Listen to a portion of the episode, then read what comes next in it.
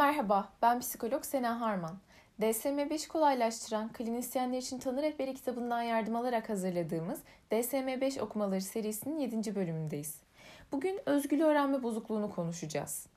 Özgül öğrenme bozukluğu, bilgiyi almak ile ilgili yaşanan, çocuğun yaşı ve doğal zekası ile tutarlı olmayan ve kültür ya da eğitim imkanlarının zayıflığı gibi çevresel faktörlerle açıklanamayan bir problemdir.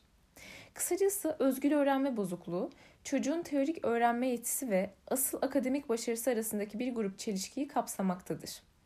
Bu çelişki okuma, matematik ve yazılı ifadenin yanı sıra henüz tanımlanmamış bazı yetileri de içerir.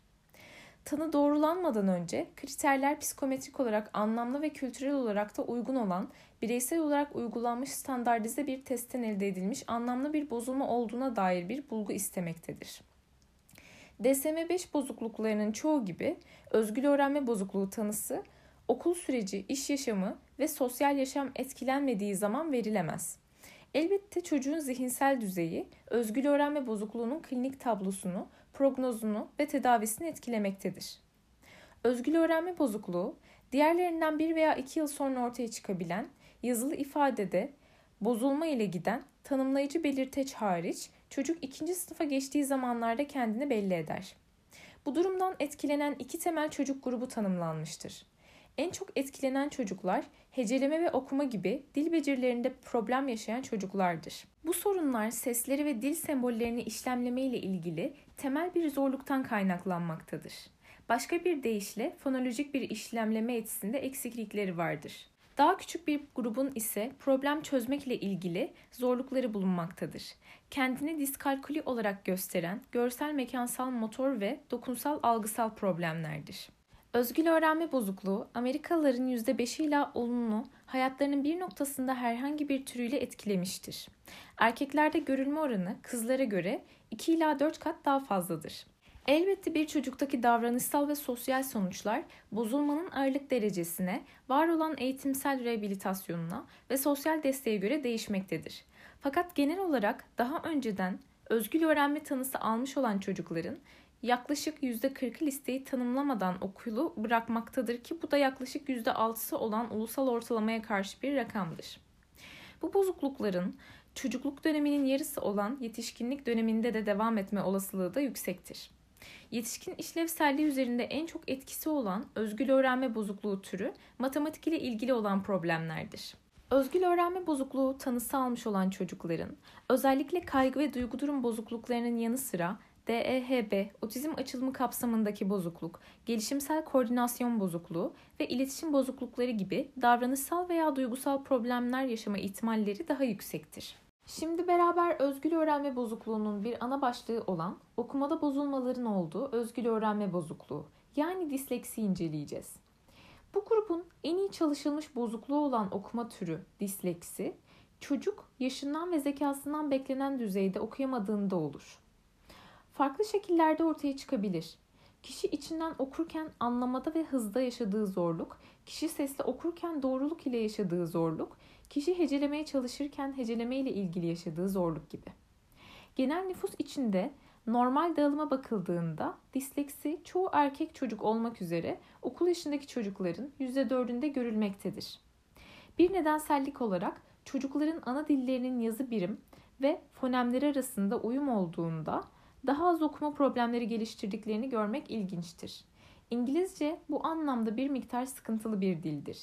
İtalyanca ise daha kolaydır. Disleksi farklı çevresel faktörler yani kurşun zehirlenmesi, ceninle ilgili alkol sendromu, düşük sosyoekonomik durum gibi ve ailesel nedenlere yani vakaların %30'unda kalıtsallık görülüp görülmediği durumuna göre atfedilir. Çocukluktaki gelişim için önemli olan erken uyaranları daha az karşılaşmış, sosyal olarak dezavantajlı çocuklar özellikle riskli gruplardır. Klinisyenlerin görme ve duyma problemlerini, davranış bozukluklarını ve DEHB'yi elemesi gerekmektedir. Çünkü genellikle DEHB'nin eş tanısı olabilir. Disleksinin prognozu özellikle bireysel hastadaki ağırlık derecesi pek çok faktöre dayanmaktadır. Okumada özellikle zayıf bir durumdadır. Genel nüfusun iki standart sapma altındadır. Diğer faktörler ise ebeveynlerin eğitim düzeyleri ve çocukların genel zihinsel kapasitesiyle ilgilidir. Disleksinin erken teşhisi sonucun daha iyi olmasını sağlar. Bir çalışmada 7 yaşındaki tedavi edilen çocukların 14 yaşlarında normal olarak okudukları bulunmuştur. Fakat bazı haberler ise bu kadar iyi değildir. Örneğin Amerikalı 40 milyon yetişkinin az çok okuma yazması vardır. Her ne kadar doğru okuma zamanla gelişse de akıcılık yetişkinliğe kadar bir problem olmaya devam etmektedir. Yetişkinler yavaş okuyabilir, özel isimleri ve tanıdık olmayan kelimeleri karıştırabilir veya yanlış söyleyebilir. Yüksek sesle okumaktan kaçınabilir. Bunun sebebi ise rezil olma korkusudur. Veya tamamen hayali bir heceleme yapabilir. Hecelemesi daha kolay kelimelerden seçilir. Genellikle okumak onlar için keyif almak amacıyla yapmadıkları oldukça yorucu bir iştir. Şimdi beraber özgül öğrenme bozukluğunun bir diğer ana alt başlığı olan matematikte zorlukla giden özgül öğrenme bozukluğu yani diskalkülü inceleyelim. Diskalküli tanısına sahip olan bu kişiler matematiksel işlemleri yapmakta zorluk yaşarlar. Örneğin sayı sayma, matematiksel kavramları anlama, sembolleri tanıma, çarpım tablosunu öğrenme, toplama kadar basit ya da dört işlem problemleri kadar karışık işlemleri yapma gibi. Fakat bunun nedenini henüz bilmiyoruz. Sorun sözel olmayan daha büyük bir öğrenme bozukluğunun bir parçası olabilir ya da rakam algısı ve bunların ifade edilmesi arasında ilişki kurmada yaşanan bir problemden kaynaklanabilir. Nedeni ne olursa olsun Okul çağındaki çocukların yaklaşık %5'i bu durumdan etkilenmektedir. Elbette çok küçük çocuklarda bunu göremezsiniz. Her ne kadar bebeklerin bile bir rakam algısı olduğu gösterilmiş olsa da bu durum kendini çocukların matematikle ilgili bir şeyler yapması beklenen yaşa, bazen kreşte fakat daha çok ikinci sınıfın başlarına gelene kadar belli etmez. Şimdi bir diğer özgül öğrenme bozukluğu ana alt başlığı olan yazılı ifadede bozulma ile giden özgül öğrenme bozukluğunu inceleyelim. Yazılı ifade türü, özgül öğrenme bozukluğu olan hastalar, dil bilgisi, noktalama, heceleme ve yazarken düşüncelerini geliştirme ile ilgili problemler yaşarlar. Çocuklar oral, işitsel bilgiyi görsel yazılı bir forma çevirmekte zorlanırlar. Yazdıkları çok basit, kısa veya takip etmesi zor yazılar olabilir. Bazılarının ise yeni fikirler geliştirmekte zorlukları vardır. Her ne kadar el yazısı anlaşılmaz olsa da tek problemin zayıf el yazısı olması durumunda bu tanı verilmez. Bu problem özgül öğrenme bozukluğu okuma başladıktan sonra genellikle ikinci sınıfta veya sonrasında ortaya çıkar. Yazı yazma beklentisi 3. sınıftan 6. sınıfa kadar gitgide artar. Bunun nedeni çalışma belleği ile ilgili sıkıntılar olabilir. Hastanın koordinasyonu gelişimsel koordinasyon bozukluğundaki gibi zayıfsa bu tanı genellikle uygun olmaz. Şimdi beraber özgül öğrenme bozukluğunun temel özelliklerini inceleyelim. Hasta okuma, yazma veya aritmetik ile ilgili şu şekilde problemler yaşamaktadır. Okuma yavaştır ve olağanüstü bir çaba gerektirir veya hasta okuduğunu anlamakta belirgin bir zorluk yaşar. Hastanın yazdığı şeyin içeriğiyle ilgili zorluğu vardır. Dil bilgisi hataları yapar. Düşüncelerini açık olmayan ve organizasyonu zayıf bir şekilde ifade eder veya sıra dışı bir şekilde heceleme yapar. Hasta matematiksel gerçekler, hesaplama veya matematiksel muhakeme ile ilgili sıra dışı bir zorluk yaşar.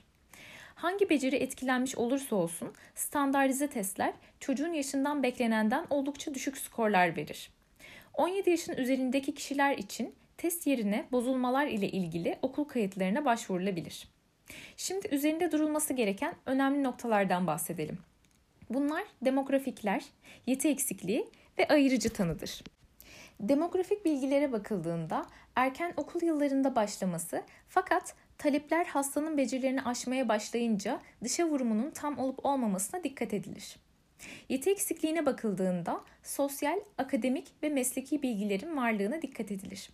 Ayırıcı tanıda ise görsel, işitsel veya motor performans gibi fiziksel bozukluklar, entelektüel yeti eksikliği, DEHB gibi hastalıkların var olup olmadığına dikkat edilir. Şimdi beraber kodlama notlarını inceleyelim. Üzerinde durulması gereken 3 adet başlığımız bulunmaktadır. Bunlar okuma bozukluğu ile giden, yazılı anlatım bozukluğu ile giden ve sayısal bozukluk ile gidendir. Okuma bozukluğu ile giden başlıkta ise kelimeleri okuma doğruluğunu, okuma hızını, akıcılığını ve okuduğunu anlayıp anlamadığının belirtilmesi istenir. Yazılı anlatım bozukluğu ile giden başlıkta ise heceleme, dil bilgisi ve noktalama doğruluğunu, anlaşılır ve akıcı el yazısını, yazılı ifadenin netliğini ve organizasyonunun belirtilmesi istenir. Sayısal bozukluk ile giden başlıkta ise rakam algısını, aritmetik kuralları hatırlamasını, doğru ve akıcı hesaplama yapmasını veya matematiksel olarak doğru mantık yürütmesinin belirtilmesi istenir. Etkilenen her alan ve alt grup için ağırlık dereceleri bulunur. Bunlar ağır olmayan, orta derecede ve ağır olandır. Ağır olmayan başlıkta bazı problemler vardır. Fakat hasta bu problemlerle başarılı olacak boyutta baş edebilir. Orta derecedeki başlıkta ise gözle görülür zorluklar vardır ve yeterlilik için bu zorluklara bulunacak önemli çözümler gerekmektedir. Bazı değişiklikler gerekebilir. Ağır olan başlıkta ise yoğun bir tedavi yapılmadan üstesinden gelmenin zor olduğu kritik problemleri vardır. Yoğun destek sistemleri bile yeterli bir telafi sağlayamayabilir. Şimdi son ana başlığımız olan tanımlanmamış nörogelişimsel bozukluğu inceleyelim. Kitap bu kategorileri yetişkinlikten önce başlamış ve başka bir kategoriyle daha iyi açıklanamayan bir bozukluğu olan hastalar için kullanılması gerektiği üzerinde durur. İlk grup için kurşun alınmasına bağlı olarak nörogelişimsel bozukluk gelişmiştir gibi bir sebebin belirtilmesi gerektiğini söyler. Sonraki kategoriyi özellikle elimizde yeterli bir bilgi yoksa kullanmamız gerektiği üzerinde durur.